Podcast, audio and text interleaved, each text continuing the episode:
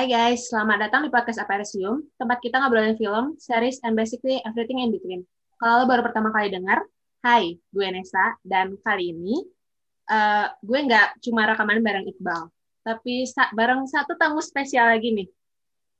Uh, dia ini salah satu admin Movie Man ID juga. Uh, terus Wah, bocoran deh. Iya dong. Dan pemenang Best in Specific Interest Compassion Awards 2019. Yes. Keren gak tuh? Bang Jonathan Kristanto. Hai. Halo, halo. Jelas nggak suara gue? Jelas, jelas. Aman nih, aman sih, aman. Ya. Bang. Aman ya? Ya. Bukan tamu spesial uh, ini. Tamu bar, berarti tamu baru kedua kedua kali ya bang ya masuk di podcast ini. Waktu itu bareng sama Nesya doang kan berdua nggak ada saya. Iya yeah, iya yeah, betul betul yeah. betul. Bahasa apa waktu itu ya? Bahasa apa Nes? Lo inget nggak Nes? Bahasa oh, P uh, PTJ, PTJ sama ya? Science of Fiction. Iya iya betul betul PTJ. Itu tuh ya kalau dilihat dari data analisisnya yang bareng sama Bang Yonatan itu pendengarnya paling banyak loh. Iya loh bang. Dibanding sama Serius. Serius, dibanding episode yang lain paling banyak loh. Kok ada sih yang mau dengerin gue? Ini kayaknya udah punya bahasa. Ini kayaknya udah punya budget deh Bang Nata. Itu nyam, nyampe sekarang malah setiap setiap update episode baru ya tiap minggu belum ada yang nyampe ngejar Bang Yonatan sama Nesa waktu bahas PTJ itu belum ada loh. Paling tertinggi lah pendengarnya. Mungkin ini juga kali topiknya kali. Topiknya pas PTJ itu kan. Mungkin. Hmm, tapi topiknya nggak, judulnya nggak clickbait iya kan sih, itu. Iya betul betul. ya benar. Oke, minggu sekarang kita bahas apa nih, Bal? Oke lah. Om, uh, kita ini udah hampir tiga minggu ya, Nes, libur nggak record karena topik kita itu bingung mau ngomongin apa. Terus terang kita juga lagi jarang banget nonton karena masuk bulan puasa juga, jadi kurang menonton lah. Dan sebelumnya disclaimer dulu buat yang denger kalau kita ini rekaman via Zoom, jadi kalau misalnya ada suara yang putus-putus atau kurang terdengar jelas mohon dimaklumi. Karena kita nggak secara live record langsung. Oke. Okay. Kira-kira mau bahas apa ya, Nes? Kemarin kita baru selesai uh, The Falcon and the Winter Soldiers. Gimana nih pendapat kalian soal langsung nih. itu? Opini secara nih. general aja dulu. Secara keseluruhan. Hmm. Dari Bang Nata dulu deh. Uh, menghargai narasumber. wow. dari gua dari gua ya. Ya uh, waktu episode awal mulai sih gue suka ya karena kan uh, Tony itu kayak Winter Soldier banget ya. Mm. Uh, istilahnya apa sih kemarin kan waktu pas One Division itu si Disney kayak uh, coba-coba kan dengan dengan genre yang baru kan yang nggak pernah muncul di MCU gitu kan cenderung lebih uh, apa ya dia percobaannya Disney lah masuk ke genre yang baru gitu sementara kalau si Falcon ini kan dia kayak si Disney ngebalikin lagi MCU itu ngebalikin lagi apa tuh namanya uh, tahun yang udah kita kenal gitu genre yang udah kita kenal dari Winter Soldier terus uh, Civil War kayak gitu-gitu kan. Jadi lebih ngerasa apa ya udah udah familiar aja gitu sama genrenya gitu kan. Cuma uh, semakin ke sini sampai akhir dan sampai endingnya kemarin kalau gue pribadi sih ngerasa biasa banget gitu. Dan dan dan dan dan uh, jujur aja gue sebenarnya kurang kurang serak sama endingnya si Falcon and Winter Soldier gitu. Meskipun secara keseluruhan ya bisa dibilang seriesnya bagus tapi gue sih gue pribadi ya gue pribadi kurang kurang kayak kurang greget gitu. Gak tau okay. gimana kalian. Gue dulu nih. Kalau menurut gue Falcon itu kerasa kayak seri-seri Amerika non Marvel sih berasanya. Tuhnya tuh kayak sering lihat tapi bukan Marvel gitu loh. Jadi kayak seolah uh, keluaran HBO atau Hulu atau pokoknya selain Disney Plus deh. Tapi yang bikin sukanya itu kenapa harus suka series ini tuh karena ini keluarinnya dari Marvel gitu. Jadi mau nggak mau ya terusin aja gitu. Setiap minggu, setiap Jumat ditungguin, setiap Jumat ditungguin. Padahal apa empat lima aja sebenarnya udah bosan tapi ya udah tungguin aja minggu depan tungguin aja minggu depan. Dan endingnya juga ya, ya gitu dah. Jujur aja nih. Kalau gue sebenarnya uh, dari awal nih dari uh, udah lihat trailernya uh, nggak terlalu berharap banyak ya. Soalnya ini tuh kayak kesannya uh, full action gitu lah jadi ya ya udah gitu. Sebenarnya nggak terlalu berharap. Tapi karena ngikutin Marvel ya tetap ditonton gitu. Nah itu. Jadi kiblatnya tetap ke Marvel. Iya. Ini jadi ini Soalnya... sih jadi kayak kalau gue bilang kayak ini kayak cuma hmm, apa ya filler aja gitu. Maksudnya kalau kalau lu pun nggak nggak nonton ini pada akhirnya itu nggak jadi masalah gitu. Karena tetap bisa ngikutin Marvel yang lain gitu atau cuma yeah. sekedar baca-baca sinopsis atau baca apa tuh udah cukup tanpa harus nonton kalau menurut gue sih gitu. Iya. Yeah. Karena cuma bang, jadi pelengkap aja. Iya, kayak menjang-menjangin aja. Nama-namanya Kemarin Tapi juga... bang, gue ada pertanyaan nih. Um, hmm. Fase 4 ini kan dibukanya sama series WandaVision ya. Terus hmm. dilihatin nih seriesnya tuh pokoknya uh, cara berceritanya di series itu beda banget lah, nggak bisa dibandingin lah sama series yang lain. Nah series hmm. keduanya ini ternyata Falcon and the Winter Soldier dan ternyata formula yang dipakai kayak series-series biasa itu sebenarnya hmm. uh, merendahkan ekspektasi nggak sih kalau kalian? Kalau gue sih terus terang iya nonton WandaVision nggak ada eh, nggak ada ekspektasi ya, taunya ekspektasinya di atas. Nah, nonton Falcon and the Winter Soldier, ekspektasinya udah terlanjur di atas. Pas nonton ternyata ya standar-standar aja gitu loh. Antara menurut ekspektasi atau emang ekspektasi kita ketinggian sih sebenarnya kali ya? iya. Nah itu kayaknya jawaban yang paling tepat. Ya. Ekspektasi yang ketinggian saya deh. iya. Soalnya, soalnya gue ngeliat uh, kalau kalau WandaVision kan emang kayaknya itu baru banget kan kayak uh, apa ya kayak dari trailer awalnya aja kan udah unik gitu kan dia tuh lebih iya. munculin yang scene-scene-nya si Wanda di tahun 50-an, 80-an hmm. gitu kan justru yang hmm. scene yang modernnya itu kan jarang kan. Nah, ya. terus hmm. kalau si Falcon kan emang dari awal trailernya dia selalu yang action yang ledakan-ledakan yang fight scene kayak gitu-gitu kan. Jadi kayak udah yeah. kebaca sih sebenarnya gue justru dari series yang bakal muncul ini gue paling penasaran Loki sih. Oh iya. Jadi kalau oh, iya kalau kalau Falcon itu kayak cuma oh ya udah pasti ini uh, tone-nya pasti nggak jauh beda sama Captain America yang lain gitu. Mm-hmm. Jadi jadi gue sih kalau gue sih uh, ekspektasi gue nggak terlalu tinggi buat series ini, cuma emang gue agak kecewanya di endingnya doang kalau ini gitu. Apa tuh bang? Kalau boleh tahu? Ini emang boleh spoiler ya? Oh boleh ya? gas aja lah. oh enggak ya? Gas aja, gas aja. Enggak sih, maksud gue, maksud gue. Lanjut aja. Oh, lanjut ya. Maksud gue kalau uh, bayangan gue kan di endingnya gitu kan ada sesuatu yang wah lah atau apa gitu kan. Hmm. Cuma uh, coba aja lo lihat di Twitter gitu kan semua bahasnya itu paling soal monolognya Sam. Terus yeah. Iya. uh, yang ya paling itu, itu doang maksudnya nggak ada yang apa ya yang bikin fan teorinya tuh bikin naik atau apa segala macam itu kayak kayak kurang gitu. Kayak biasa aja gitu jadinya. After taste-nya tuh kayak oh ya udah udah habis nih seriesnya udah gitu. Yeah, bener. ini beda banget fan. sama kalau WandaVision kan fan teori kayak gitu sampai banyak banget oh. lah gitu. Uh, wah kampret kampret sih. kalau WandaVision fan teori. memunculkan istilahnya hoax juga kali ya. Yeah. ya gitulah. Kalau sekarang Mephisto. nggak ada kayaknya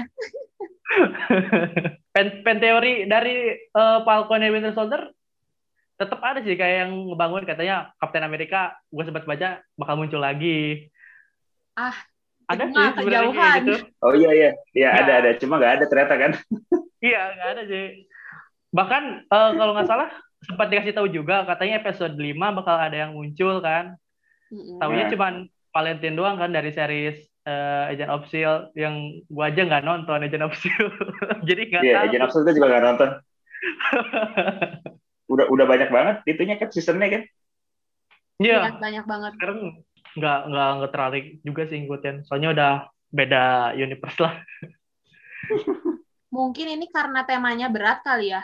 Ini kan bukan cuma ngomongin trauma, tapi kita juga lebih ngomongin rasisme ya. Jadi Hmm, vibes-nya bener. kayak depressing banget gitu. Kalau buat gue. Dari beberapa episode sih kayaknya eh, menurut gua yang nggak terlalu suka Nes, lo tahu kan yang gua nggak terlalu suka film yang berat-berat. Kalau gua nonton film berat pasti tidur gua kan Nes. Ini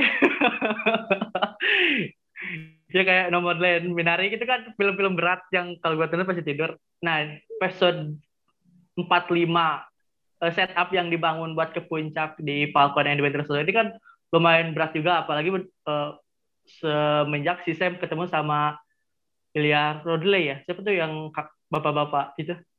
Asayah. Oh, Oh iya, Isaya. Isaya apa Asaya? saya Bradley. Isaiah Isaiah Bradley ya. Nah, itu kan kalau mereka lagi ngobrol berdua, yang mereka omongin itu kan dalam banget ya. Iya, iya. itu terus terang, wah ini cocok nggak ya? Cocok ya? Terusin nggak ya? Terusin nggak ya? Sempat mikir beberapa kali. Ya kembali lagi terusin karena ini dari Marvel sih. Kalau misalnya ini cuman series biasa, kayaknya gue nggak bakal terlalu namat pengen namatin deh. Untungnya cuma 6 episode ya. Un- untungnya sih, untungnya bang, serius untungnya. eh ya, ngomong Gua- soal enam episode, ini ternyata benar juga cuma enam episode sih. Gue tadinya tuh gue tadinya mikir apa nggak kependekan ya 6 episode gitu kan. Sem- eh, kemarin si Wanda kan 9 ya. Iya. Ya, Wan- Ya Wanda Iya, 9. gila. Gue mikirnya kan ini ke sedikitan gak ya 6 episode ya ternyata oh ya udah kalau dipanjangin lagi malah jadi tiga ini kurang Hmm. kurang bagus juga sih kalau menurut gue gitu karena emang pas di episode 6 kemarin tuh kayak eh begini doang gitu. Oh iya. Itu berarti ekspektasi juga bang masuknya. Oh ini kependekan ya enam episode, episode-nya Iya. lebih panjang. Setelah nonton, ya ternyata cukup lah enam episode aja, Iya. nggak usah dilanjutin. Benar-benar. Soalnya action di episode awal-awal tuh kerasa banget kan. Eh beda lah sama episode yang terakhir tuh kayak kurang greget aja gitu. Itu mungkin gak sih so- Hmm. karena eh, mereka syutingnya pas lagi pandemi. Wabah ya? Alasannya Oh, iya? bisa jadi nggak? Atau Bisa jadi sih kan ke si fight Wan- scene-nya aja kurang. Wanda kan Wanda juga gitu kan karena pandemi ya dia jadi dikurangin 9 kan harusnya 10 ya episode dia. Hmm. Di, terus diubah banyak kan kan soalnya waktu itu janjinya si apa saudaranya si Wanda tuh siapa gitu lupa gue bilang. Pokoknya dia bilang episode akhirnya itu CGI-nya bahkan bakal gila-gilaan katanya gitu. Ternyata kan pas kita tonton CGI-nya biasa aja kan. Hmm. Nah ternyata eh, nggak sesuai dengan rencana awal kalau si Wanda. Nah gue nggak tahu nih kalau si Falcon gimana. Ada nggak nih? Lu dapet infonya nggak soal Falcon ini? Sebenarnya tadinya mau berapa episode atau apa? Enggak. Sempat nemu nggak infonya? Gue juga nggak nemu sih. Kayaknya unik, bakal bakal ada sih ya eh, film pendeknya, bukan film pendek sih, video behind the scene-nya dari kayak Wanda Vision kan juga ada. Itu kayaknya bakal unik deh kalau misalnya Falcon and Winter Soldier juga ada.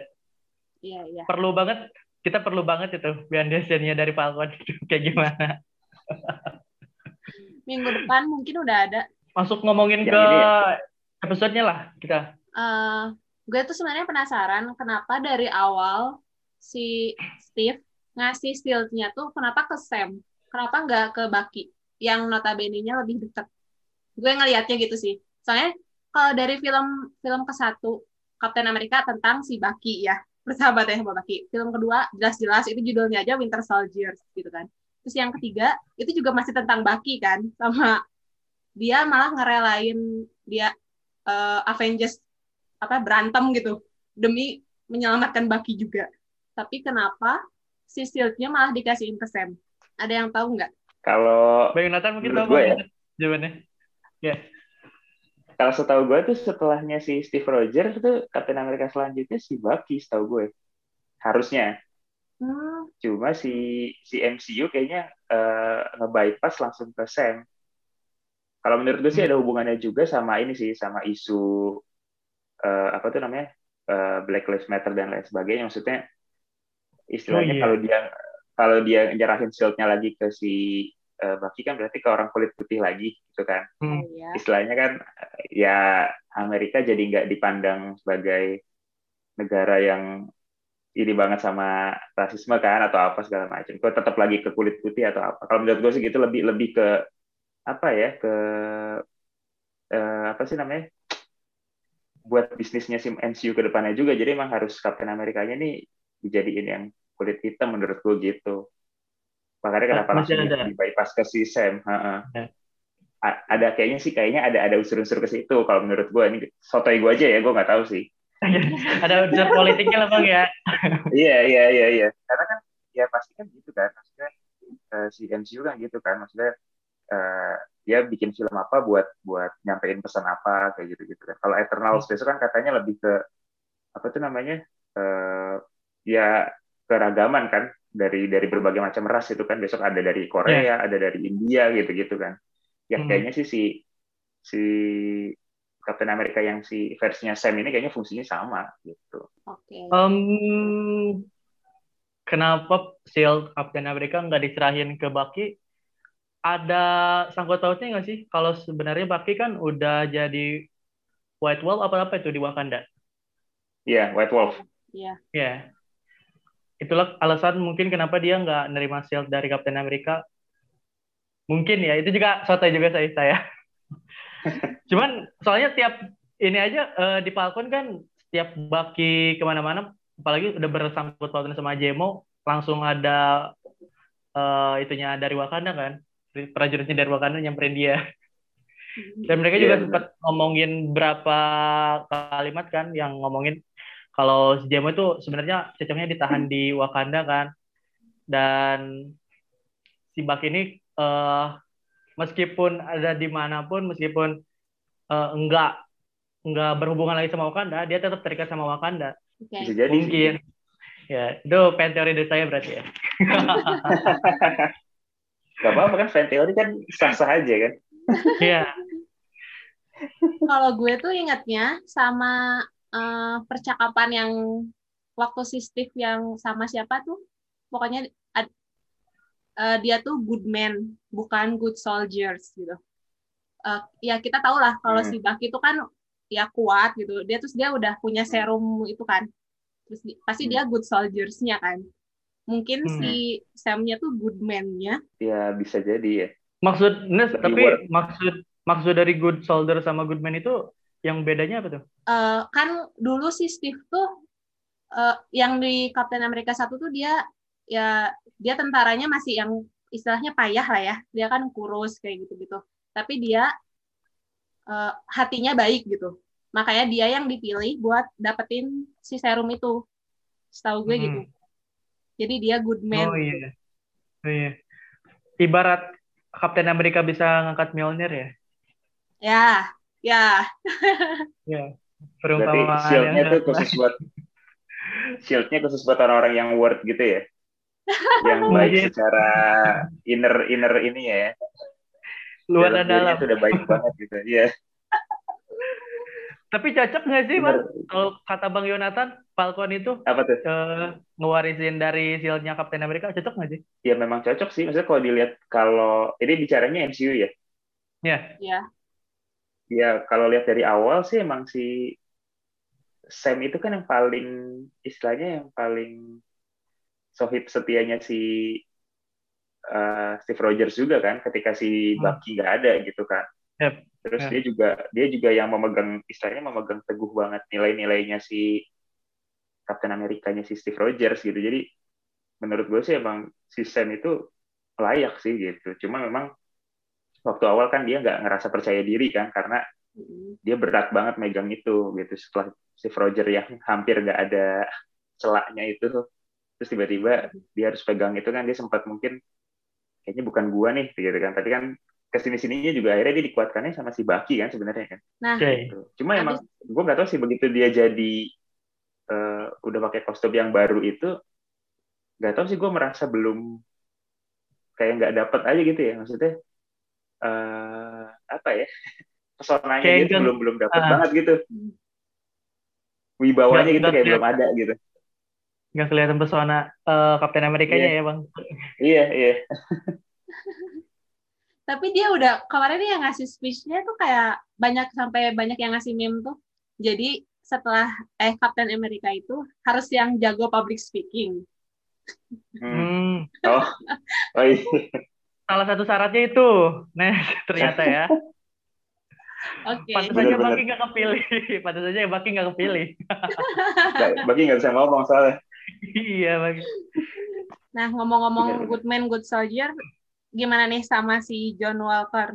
Dia Tapi- tuh kayak terobsesi banget sama kerja gitu nggak sih? Kan dia tuh apa-apa beralasannya tuh "Eh, gue ngelakuin Ah. itu buat kerjaan gitu. Ini tuh kerjaan kita Eh. gitu. Ke si Lemar juga kan. Benar-benar terobsesi banget gitu kayaknya. Buat jadi ya Kapten Amerika itulah. Tapi dia kan menjadi Kapten Amerika juga bukan karena keinginan dia sendiri kan, karena ditawarin juga kan. Iya. Tapi gue pengen nanya nih, yang sebelum dari itu deh, eh sebelum Falcon and the Winter Soldier ini eh, muncul episode satunya, sebelumnya udah udah tahu nggak Boyong Nathan atau Nesa kalau si Kapten Amerika KW ini bakal muncul di series ini? Udah ada bocoran nggak sih sebelumnya? Eh, kalau gue belum gue gue gue nggak pernah tahu bakal ada si US agent Iya, sama. Iya. Berarti ini Eh. bener-bener hal yang mengagetkan ternyata. kejutan sih kalau buat gue kejutan gue nggak tahu kalau buat ya udah sempat baca-baca di Reddit dan lain-lain Mm-mm. Gue nggak seniat itu sih kayaknya. Betul itu.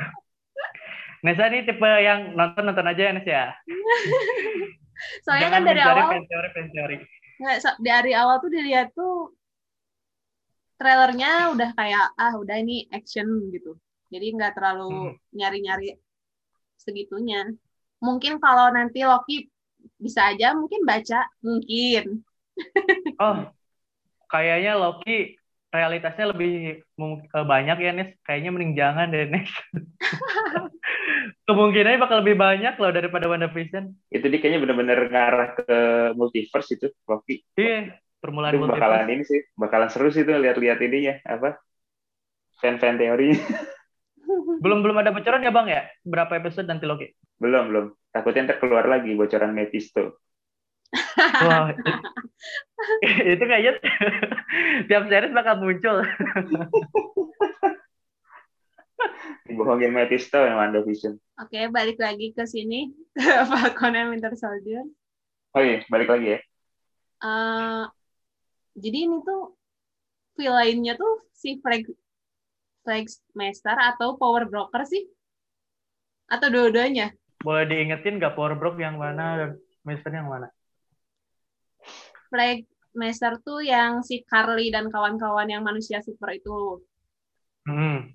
ya organisasi itulah pokoknya itu organisasi atau apa sih disebutnya kalau Power Broker tuh kan si Sharon Sharon Carter yang kemarin baru ditis di episode 6 kan Hmm. akhir kre eh middles itu malah kredit Ya, yang memunculkan Iya. bakal ada lanjutan dari Falcon ya. Bisa jadi Tapi apa apakah perlu Bang Nathan season 2-nya dari Falcon and Winter Soldier? Kata, katanya bukan nggak ada ya Falcon ya season 2 nya ya? langsung ke Captain America 4 kan iya, kayaknya nyambungnya ke sana ya Bang ya. Eh, Kayak, di kayaknya sih langsung ha itu bocoran buat film keempatnya Captain America ya, bukan Falcon and Winter Soldier season Iya. 2-nya.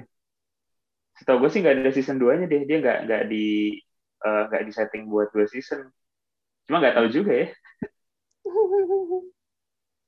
Soalnya itu kemunculan eh, apa ya rencana Kapten Amerika keempat ini kan setelah Falcon and Winter Soldier ini selesai kan dari sebelum-sebelumnya Kevin Feige nggak pernah ngomongin sama sekali kan tapi setelah Falcon Iya. and Winter Soldier selesai tiba-tiba ada rencana mau dibuat Queen, film keempat dari Captain America. Hmm. Oh, semakin panjang aja. Tapi penjahatnya sih kayaknya sih lebih ke Sharon Carter ya. Kalau menurut gue, otak-otaknya jadi kayak si uh, apa? Flag apa? Flag Smasher ya. Hmm. Itu kan kayak mereka sebenarnya tuh kayak apa sih kayak organisasi anarki doang gitu kan ya? Sisi kiri ya. Sebenarnya Iya, maksudnya sebenarnya sih musuh utamanya kayak sebenarnya ya otaknya si Sharon itu sebenarnya. Iya. Cuma kan belum di belum di tis benar-benar kan belum ditunjukin benar-benar gitu. Iya. Mungkin, mungkin emang benar-benar disiapin buat itu kali si Captain America atau gak tahu film lainnya mungkin. Mungkin kalau orang-orang setelah lihat Falcon and Winter Soldier pasti mereka ngejudge-nya villain di sini itu si Krillin itu ya sama teman-temannya. Dan sebenarnya mereka itu juga alat. Iya. Soalnya benar. si Carol itu kan digambarinnya masih anak remaja kan, Masih labil lah istilahnya. Kalau si Val- Valentine itu gimana? Itu itu katanya apa sih? Semacam nemesisnya si Nick Fury. Oh Iya iya? Bang Yonatan tahu nggak? Bang Yonatan tahu nggak Valentine ini? Jujur gue nggak tahu. Jadi kemarin tuh Nes, gue kan setelah nonton episode-nya ada Valentine itu episode 5, gue sempat nanya tuh ke temen di MCU. Katanya kalau ternyata si Valentine ini emang ex eh, girlfriend-nya si Nick Fury. Hmm. Ternyata fun fact-nya kayak gitu. Dan emang Hmm. dia di Agent of S.H.I.E.L.D. emang karakternya itu lumayan kuat. Makanya kenapa disebut eh, sebagian orang lumayan bikin kaget juga ternyata dia muncul di seriesnya Falcon and Soldier. Tapi gua yang nggak tahu dan nggak nonton Agent of S.H.I.E.L.D. ya gue ngalir-ngalir aja sih nggak tahu juga tuh siapa. Tapi eh, berarti dia dia ini ya apa maksudnya benar-benar musuhnya si Nick Fury gitu. Kalau gue sih dikasih tahu cuman mantan pacarnya Nick Fury bang. Cuman kalau dia ditanya musuh apa enggaknya kayak nggak nggak tahu deh. Eh, soalnya gini kalau kalau yang gue tahu si US Agent itu kan kalau di komik ya gue sempat beberapa kali eh, apa baca-baca ini ya kemarin ya dari sebenarnya US Agent itu siapa segala macam gitu. Jadi dia itu kan tergabung dengan The Dark Avenger ya. Jadi kayak Oh, iya. versi versi jahat atau versi gelapnya Avenger Suicide yang Squad-nya sekarang lah. Suicide Squad-nya. Iya, iya, iya. Jadi, jadi ada ada yang mirip kekuatannya si Wolverine tapi jahat, ada yang mirip kekuatannya siapa jahat gitu nah. Hmm. Eh, mungkin nggak maksudnya di di sini fungsinya si siapa tuh si Valentine ya, Kayak Valentine Iya, itu ya. Valentine. Itu kayak buat ngebentuk Avenger tandingan gak sih dimulainya dari si US Agent itu. Oh, berarti jadi Nick Fury-nya versi gelap ya, Bang? Bisa jadi, Jus. iya, iya, iya, iya. Maksud maksudnya ya kalau misalnya tadi kata lo si eh, Valentine ini ada ada hubungan sama Nick Fury kan siapa tahu gitu kan. Hmm. menarik Iya, sih kalau misalnya dia benar-benar bikin mirroringnya Avengers yang sekarang Ini- gitu. Ini di kepala jadi nggak bayangin setup-nya pas 4 ini musuhnya emang di Black Avenger nih. Aduh, ini kacau nih. Kayak lebih lebih lebih gila lagi sih kayaknya Phase 4 deh soalnya kan lebih kosmik juga nggak sih? Iya. Bakalan Eternals, Fantastic Four itu kan kayak gue ngebayanginnya malah makin rumit itu. Ininya musuh-musuhnya tuh dari luar angkasa dari luar. Hmm. Mainnya bukan di, di bumi lagi tuh. Iya, udah udah kayak udah lebih macam-macam lagi yang yang Phase 4. Belum lagi yang si Doctor Strange pasti kan lebih apa tuh namanya? Oh iya, Multiverse of Darkness. iya, Multiverse of Madness itu kan lebih kayak banyak unsur-unsur kliniknya nanti ada. Hmm. Dan Bang, gua terus terang Bang ya, eh, saya Eh. ini orang yang masih percaya Spider-Man di No Way Home bakal ada tiga Bang. Sama dong, sama lah. Sama ya. Nes, lu nggak ada temen, Nes. Gua ada temen nih, Nes. Aduh, kalian tuh jangan terlalu berharap. Gua punya temen nggak, juga. Gue percaya Spider-Man ada tiga ya. Siap. Ayo, ayo kita berekspektasi, Bang. Tapi kemarin yang habis gara-gara si dokter Octopusnya yang wawancara dokter Octopus itu Mm-mm. kemungkinannya mak kebuka lagi sih. Ah, semakin besar kan kemungkinannya. Nah, soalnya ada Jamie Foxx gitu kan. Misalnya Jamie Foxx itu kan sebenarnya nggak terlalu memorable ya jadi elektro gitu kan. Tapi dia dipanggil Iya. lagi berarti kan masa sih dia Hmm. dia doang gitu si Andrew Garfieldnya enggak Iya, villain-villainnya dari Spider-Man Tobey Maguire Iya. ada, villainnya dari Spider-Man uh, Andrew Garfield ada. Kurang apa lagi Iya. depannya? Kurang Turunin sabar aja ini. ekspektasi kalian ya. nggak apa-apa paling ntar marah-marah lagi di Twitter kalau nggak jadi ya kan Kalau nggak jadi ya tinggal minta maaf ya bang ya. iya aduh tapi keren banget sih kalau beneran lu bisa tiga si Spider-Man-nya ya itu sih yang nonton pasti udah udah auto banyak lah itu Udah, udah satu rela deh nonton nyampe lima kali ya iya. rela deh serius. Endgame cuma berapa kali padahal? Eh ini cuma dua. Endgame Endgame gue tiga Gue dua sih. Nggak, nggak segitunya. enggak Endgame tuh gara-gara nobar-nobar itu loh kan nonton sama anak Iya. teman kantor ya kan kayak gitu jadi berulang-ulangnya karena itu Ya, ya. Itu juga sama per- pertama sendiri, kedua karena dari komunitas MCU itu. Iya. Padahal pas ditonton ulang lagi sih, ya udah. pas ditonton ditonton di TV tuh nggak seseru di bioskop tuh film MCU. Kenapa Iya. ya? Kayak kalau nonton ulang di Disney Disney Plus gitu kayak biasa aja gitu pas ditonton semuanya. Waktu momen yang tiba-tiba semuanya muncul itu merinding tau waktu nonton di bioskop. Tapi pas nonton di laptop Iya. nggak biasa aja gitu. Ya, karena mungkin karena mungkin udah tahu juga kan ya. Mungkin Iya. karena udah tahu. Iya, Iya. itu sih. Nonton ulang itu yang nonton ulang asik kalau menurut saya itu nonton filmnya Nolan baru kalau nonton ulang lebih asik kalau menurut saya. Ah, Ini jadi ngalor ngidul nih. Ini jadi ngalor ngidulnya kejauhan nih. Eh, mungkin ini deh yang kemarin yang berita terakhir tuh yang series si Emilia Clarke baru masuk ke itu kan Secret Invention yang kalian tahu Oh, ada yang Invasion. kalian tahu nggak series itu tentang apa Secret Hmm. Invasion itu kan berhubungan sama Skrull kan? Iya Eh, yang Eh, gue itu tahu kan- tuh kan Ada hubungan. eh, itu tuh kan tentang invasi bumi sama si Skrull itu kan Hmm. Tapi yang kita tahu di Captain Marvel itu si Skrull itu kesannya kayak baik lah ya dia kan kayak cuma lari Hmm. dari kekejaman bangsa Kree gitu kan jadi si Secret Hmm. Invasion tuh jadi bingung ini siapa yang menginvasi siapa ya itu balik lagi MCU kadang eh, ngambil konsep dari komik tapi bisa beda sih pas diaplikasikan di film atau seriesnya makanya Oh. kita berharap sama fan teori Oh iya. Itu fan teori, tapi yang benar, yang ngaco jangan di situ. Kalau tiba kalau tiba-tiba scroll pengen invasi bumi, wow. tapi kan sebenarnya emang udah ditunjukin kan kalau Skrull itu sebenarnya udah udah ada di bumi kan tapi eh, ngeblend sama manusia kan sebenarnya Hmm. cuma tujuannya apa dan fungsinya apa itu yang masih belum tahu gitu. kayaknya sih di Secret Invasion mungkin mau jelasin itu kali Hmm.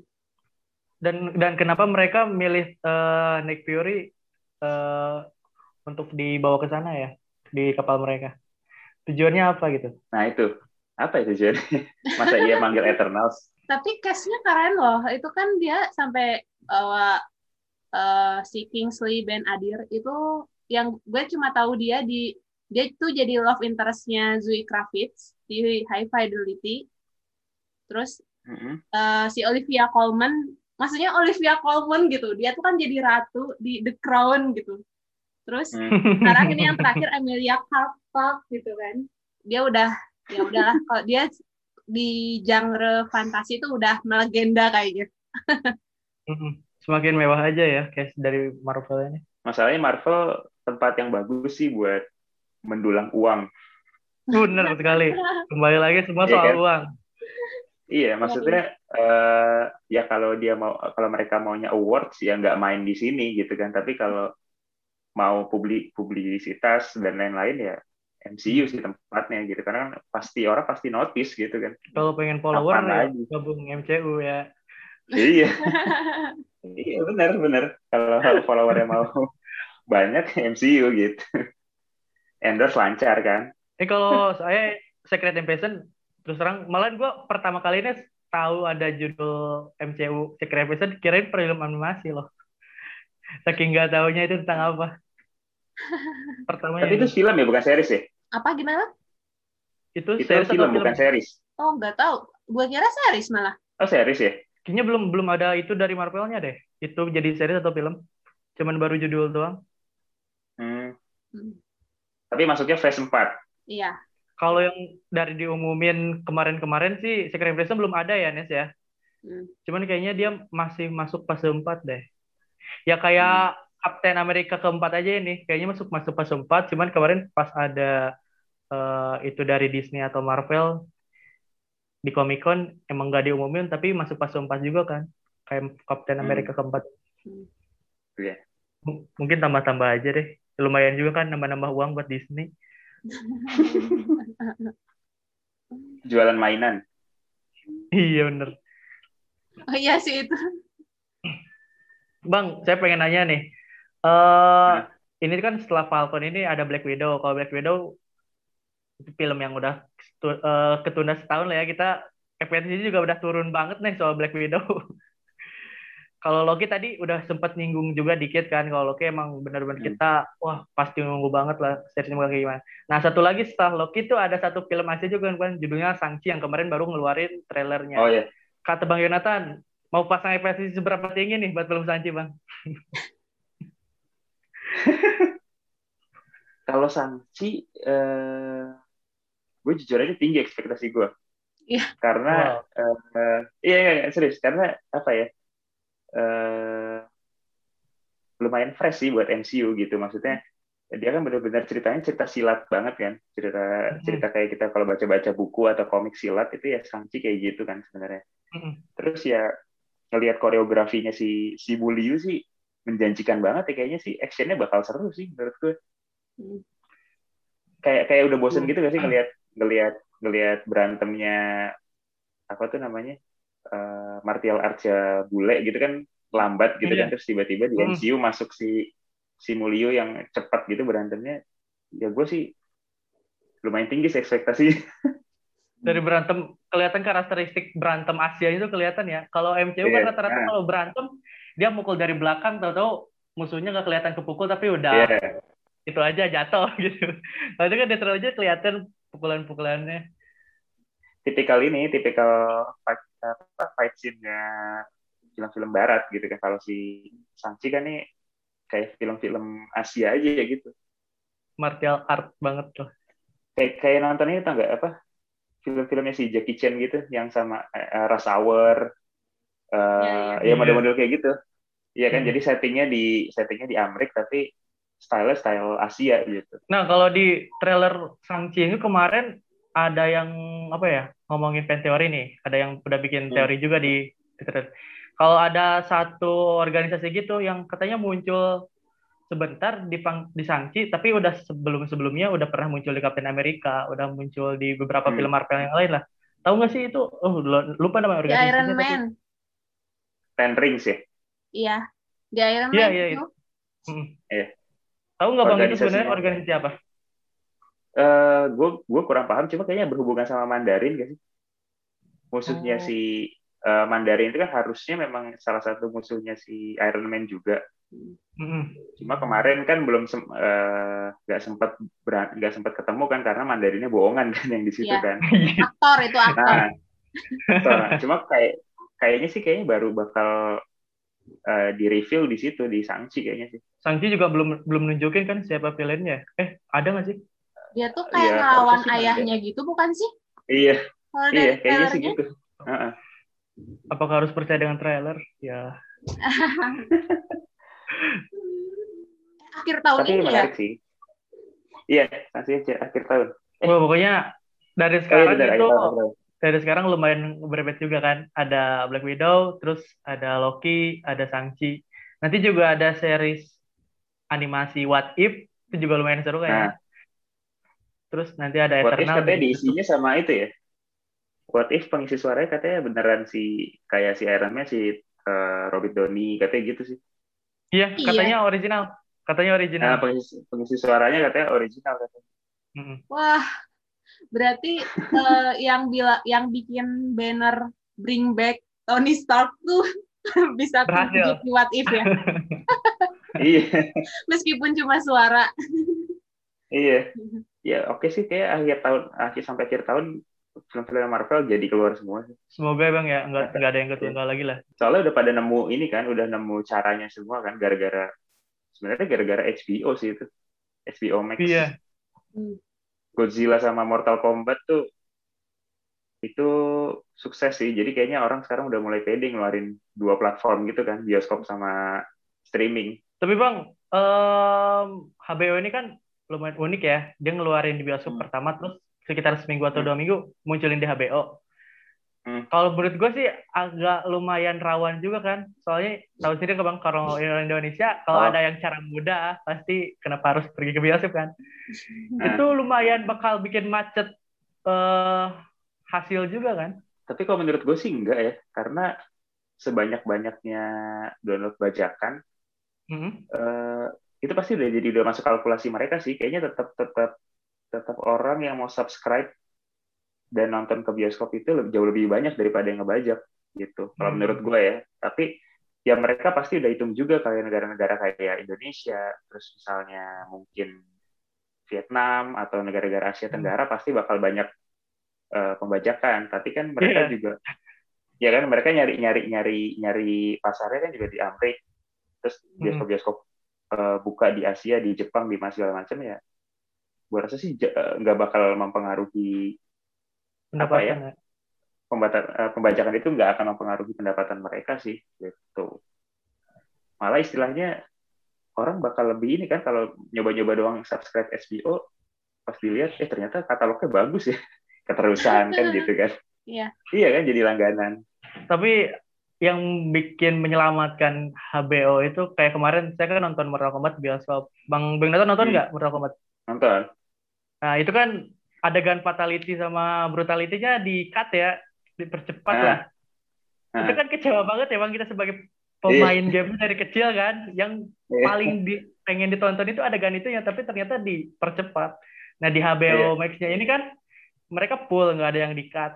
Dan Ah. orang yang pengen nonton, kalau misalnya mereka nggak berusaha nyari bajakan, pasti nge-subscribe Ah. HBO Max-nya. Mungkin Iya. salah satunya kayak gitu Iya. ya. iya kayak gitu ha. Itu ternyata Iya. teknik marketing juga ya bisa dibilang. Iya. Kemarin baru keluar kan apa sih Lionsgate di, di Indonesia ya? Udah keluar, udah muncul kan sih yang streaming service Lionsgate itu? Oh, Lionsgate itu udah ada di Maxstream. Oh, udah ada. Tuh. Iya, udah ada paketnya. Maxstream itu lengkap banget loh, ada HBO, Lionsgate. Hmm. Cuman paketnya beda-beda. Dari beberapa series atau Marvel yang bakalan datang nih, yang kira-kira Bang Yonatan menjanjikan banget buat ditonton. Dan ekspektasinya itu Ah. tinggi banget. Itu series atau film apa tuh dari Marvel Universe? film atau series ya boleh film gitu Ya, eh dari semuanya yang paling tinggi di Eternal sih uh. Apa karena sutradaranya habis menang Oscar atau? enggak ada ada Salma Hayek Oh salah ya.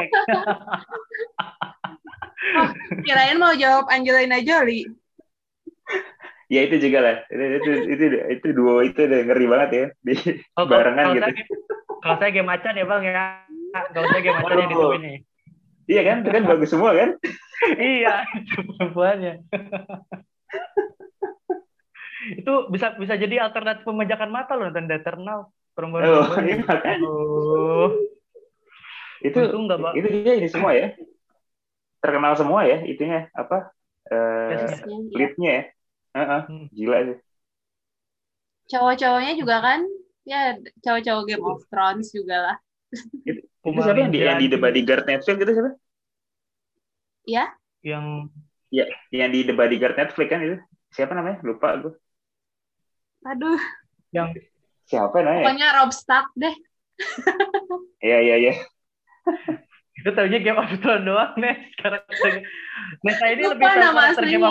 Daripada nama aslinya Nessa iya lupa lupa nama aslinya Kalau yang satunya Oh. lagi tahu, yang satunya lagi si Kit Harington kan. ah gitu gitu gue taunya Ah, cuma Kumalin ya Kumalin Jani yang dari India tuh Iya. si Don Lee ya yang Korea ya Ya, ya Donly itu Korea. Nah, Satu lagi lupa.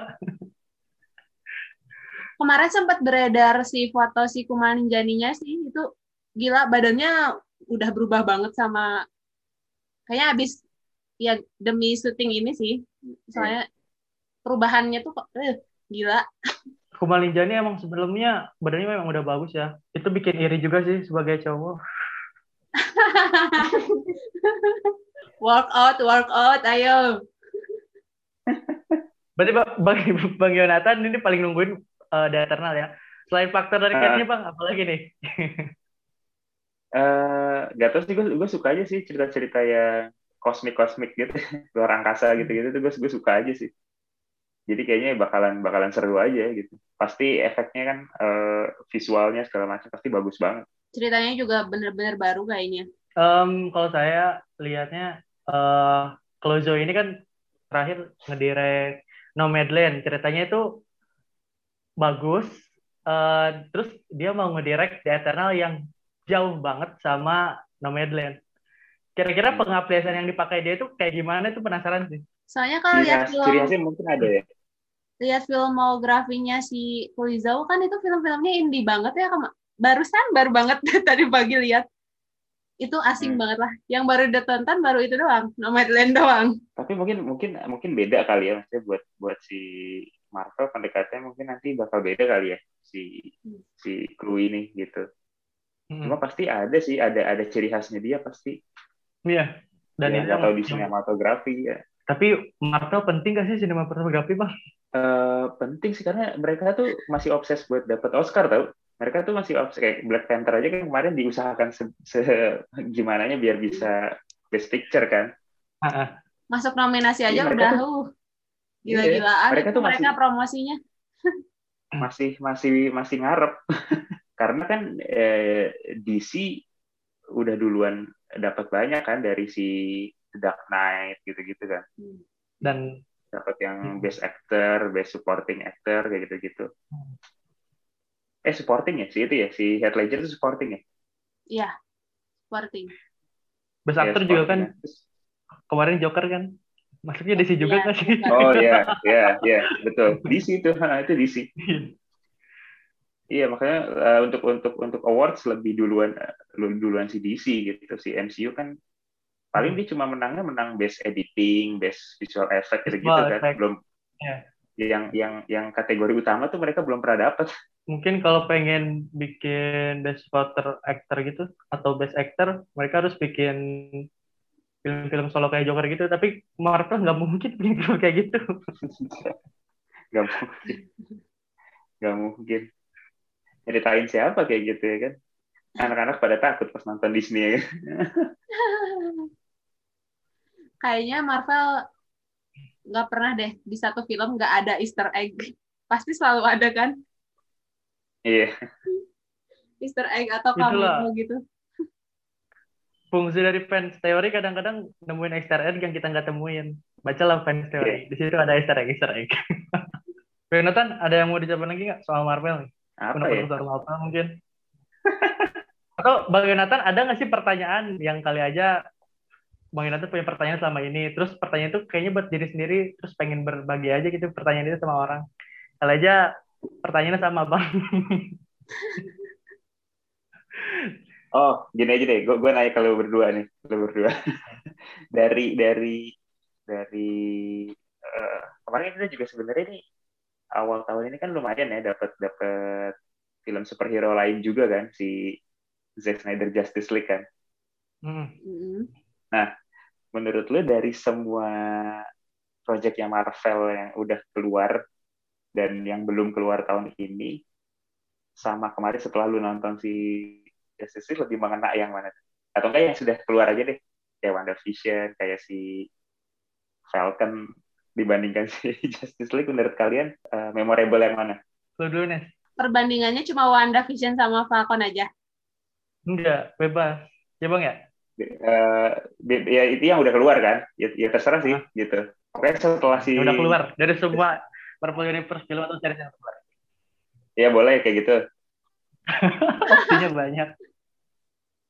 wah kalau dari semua semua banget Marvel Uh, gue gue lebih tim Marvel sih.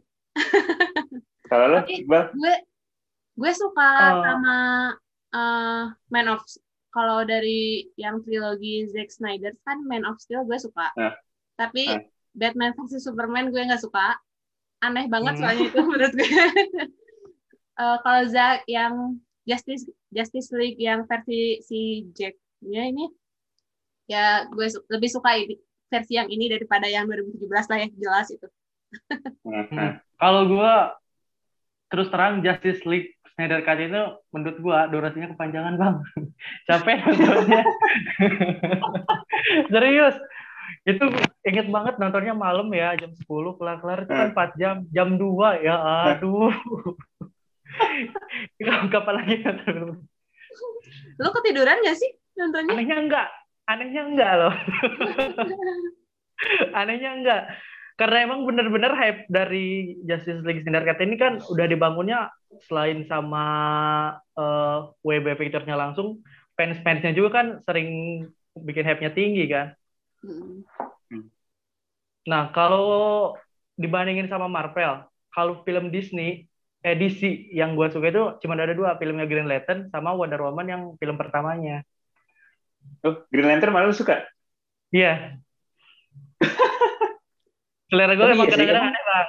Selera Enggak, gue emang enggak, kadang-kadang aneh.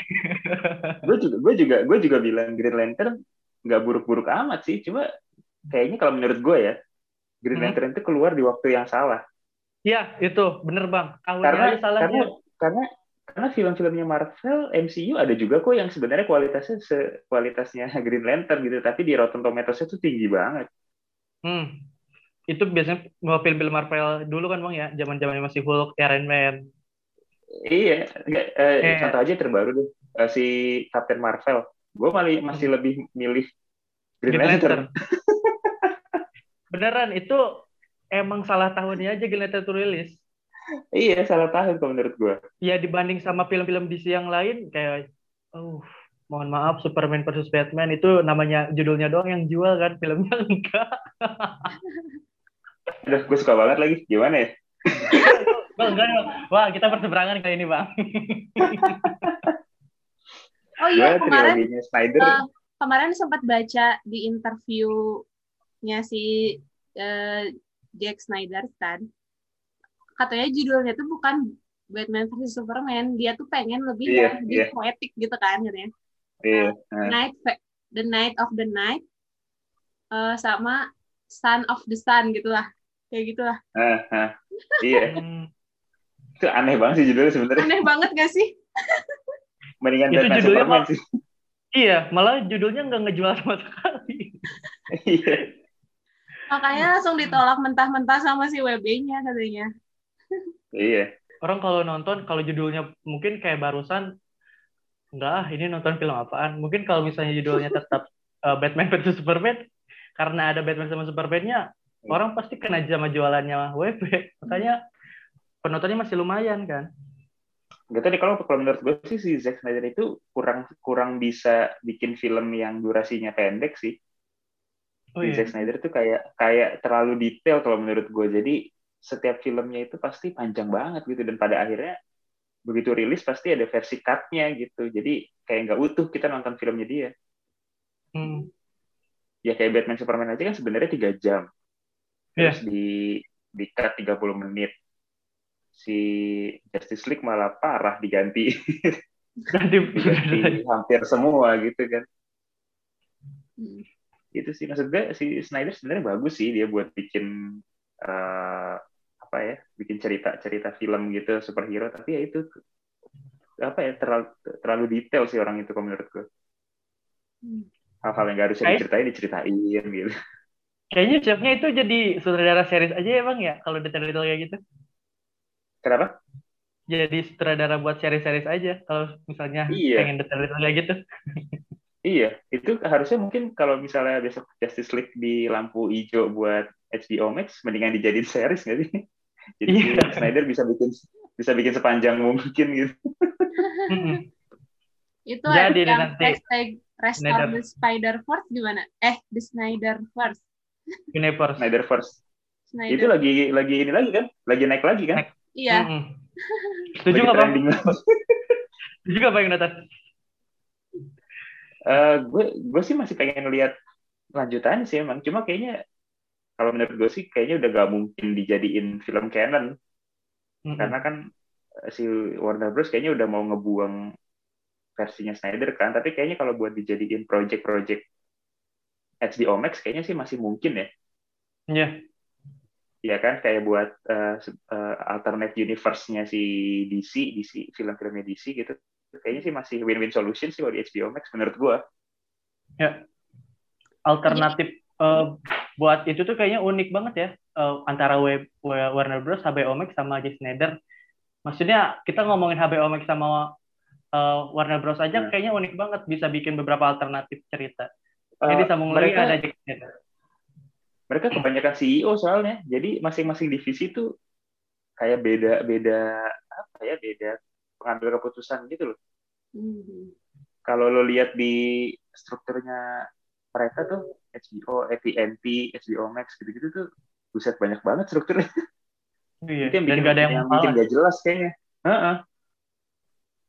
Makanya si uh, Snyder Cut itu kan mungkin di di Warner Bros-nya nggak disetujui buat dia tampil di layar lebar, makanya udahlah dikasih aja ke divisinya si HBO Max gitu kan misalnya. Iya. Bayangin aja di situ kayak gitu. Nah, Bang Nathan, tadi kan saya udah nanya nih, project Marvel yang paling ditungguin. Nah, kalau project DC ada nggak yang ditungguin? Kira-kira apa? Project DC? DC apa sih projectnya? Oh, The Batman ya?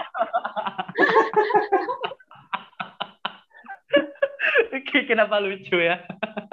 eh, kemarin sempat iya. beredar juga meme nya katanya DC ngapain sekarang? Iya. sempat lihat iya, kalian? DC kayak kayak nggak ada gitu project ya nggak? Kayak tiba-tiba ada aja gitu ya? iya. Oh kalau gue ini sih, kalau DC The Batman kan dia kan sendiri kan dia nggak gabung ke universe hmm. mana mana dia dia modelnya kayak Joker gitu kan sendiri kan hmm. uh, paling Black Adam sih gue penasaran. Black Adam. Kalau Nes ada nggak? Hmm, apa ya? Bingung Nes. Nes bingung. Oh gue sama satu lagi gue The Flash. Ah itu jawaban gue bang. Mau jawab itu. Eh itu Flash itu, point. itu. Flash point. Kalau gue gue uh, gue enjoy banget sama Sezam sih kemarin. Yang ah. punya. Karena filmnya Marvel banget ya. Happy yeah. aja gitu bawaannya happy. itu tuh kayak family movies gitu gak sih? Iya. Iya. Kayak cocoknya masuk MCU aman, aja. Aman deh. banget. Cocok kayaknya pindah MCU juga masih diterima deh. Iya masuk gitu. Saya paling nungguin tentunya Flashpoint yang kemarin baru mulai syuting ya. Iya. Yang Wah. ternyata unik Andi Muschietti ini sutradaranya dia yang bikin IT ya, terus sekarang bikin film superhero unik juga. Oh iya benar. Dan udah beberapa uh, baca pen teori juga soal flashpoint dan emang beneran kalau misalnya jadi seperti itu kayaknya bakal unik banget. Flashpoint itu ibarat what if-nya Marvel ya, Bang Jonathan, kira-kira? Iya. Uh, uh, justru kalau di kalau gue baca-baca ya, kalau di komiknya itu Flashpoint itu kayak ngeris ngeriset semua ceritanya DC. Oh. Itu itu kalau di komiknya setahu gue ya gue gue gue juga kurang ini pokoknya intinya uh, ngerubah masa depan komiknya si DC lah gitu gara-gara event di Flashpoint itu. Nah makanya kalau ini jadi dibikin film gue hmm. rasa ini juga harus karena buat ini buat ngehapus uh, berfungsi buat ngehapus universe-nya si Zack Snyder kayaknya sih. Oh iya. Kayak bikin kayak karena si Zack Snyder kan kayak udah gak mau diterusin lagi tuh Nah, hmm. caranya gimana biar biar lebih halus gitu kan uh, transisinya kayaknya sih salah satu fungsinya nih flashpoint ini kayaknya. Ngeriset ulang ya.